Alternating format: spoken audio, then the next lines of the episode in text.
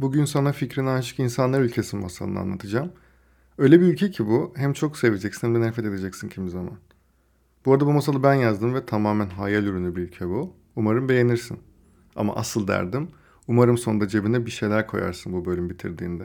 Hazırsan başlıyoruz.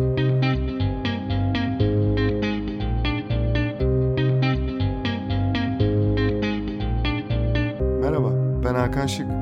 Fikrin ne kadar önemli ve aslında ne kadar da önemsiz olduğunu konuşacağımız podcast serisi Bedava Fikre hoş geldin.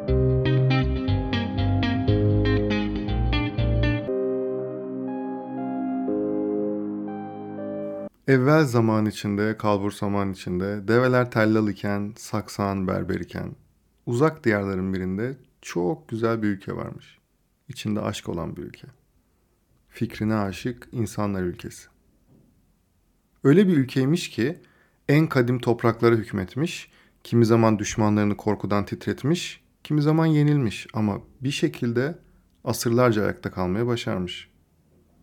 En doğru şekilde yönetilmemiş belki her zaman ama ahlaki bir düzen varmış çoğunlukla. Kendi içinde bir tutarlılık. Loncalar varmış örneğin. Her işin ustası o loncalara bağlıymış. Marangozsan ve müşterini bilerek kazıklamaya çalıştıysan vay haline. Loncan senin bir daha iş yapmamanı bile sağlayabilirmiş. Bu etik anlayışı her zaman en doğru şekilde çalışmazmış belki. Ama bir şekilde çalışırmış. Güvenirmiş insanlar. Satın aldıkları ekmeğin kaç gram olduğuna ve hilesi hurdası olmadığına inanan halkın yaşadığı ülke bir başka olurmuş yani anlayacağım. Seller olmuş, savaşlar olmuş, afetler gelmiş ülkenin başına. Özgürlüğü için mücadele bile vermiş hatta ve kazanmış da sonunda. İlime bilime önem vermiş ve ülkenin başındakiler bu büyük fırsatı değerlendirmeye başlamışlar. Yıllar geçmiş üzerinden. Her güç savaşının olduğu yerdeki gibi rüzgar başka yönden esmiş bu ülkede de. Herkes kendi fikrinin önemine ve doğruluğuna inanmaya başlamış. Yanındakinin fikrinin bir önemi yokmuş çünkü o diğeriymiş. Diğer olduğuna göre onun fikri doğru olamazmış. Nasıl olabilir ki zaten? Herkes en doğrusunu kendinin bildiğine inanmış. Herkes için varsa yoksa kendi fikri. Başka hiçbir şeyin önemi yokmuş. Ülke insanları fikir olarak ikiye hatta üçe bölünmüşler. Aynı ülkede yabancı gibi yaşayan insanların ülkesine dönüşmüş. Tek önemli olan şey diğer fikirdeki insanları haksız çıkartmak olmuş. Doğrunun bir önemi kalmamış. Doğru benim fikrimi destekliyorsa doğruymuş. Yoksa doğrunun ne önemi varmış ki? En iyi fikir benim fikrim, en doğru benim doğrum, en iyi ben bilirim diyen insanların ülkesi olmuş. İnsanlar kendi fikirlerine öyle bir aşık olmuşlar ki fikirlerini düşünmekten iş yapamaz olmuşlar. Varsa yoksa ne kadar haklı oldukları ve fikirlerinin ne kadar mükemmel olduğu. Çünkü başka ne olabilir ki zaten?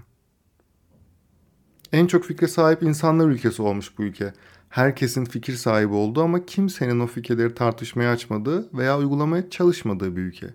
Benim çok iyi bir fikrim var ama söylemem. Çünkü diğerleri fikirlerimi çalarlar. Ben mi? Benim bu fikri yapmamı istemiyorlar ki. İstemeyenler kim? Onlar. Onlar işte diğerleri. Sen bilmezsin onlar ne kadar kötü insanlar. En büyük ülkeyiz biz. Biz fikrine aşık insanlar ülkesi halkı olarak en büyüğüz. Diğer tüm ülkeler bizi kıskanır. Onların ekonomileri bizden daha iyi olabilir. Teknolojik olarak bizden daha iyi durumda da olabilirler. Hatta eğitim anlayışları bile bizden çok daha iyi olabilir. Ama en doğru fikirler hep bizdedir. Hiç yapmasak da. Çünkü biz istesek en iyisini yaparız. Ufak bir sorun var sadece burada. Yapmayız. Diğer ülkeler bizi geçtiler diye gücümüzü göstermeye ne gerek var ki? Çünkü biz fikrine aşık insanlar ülkesiyiz.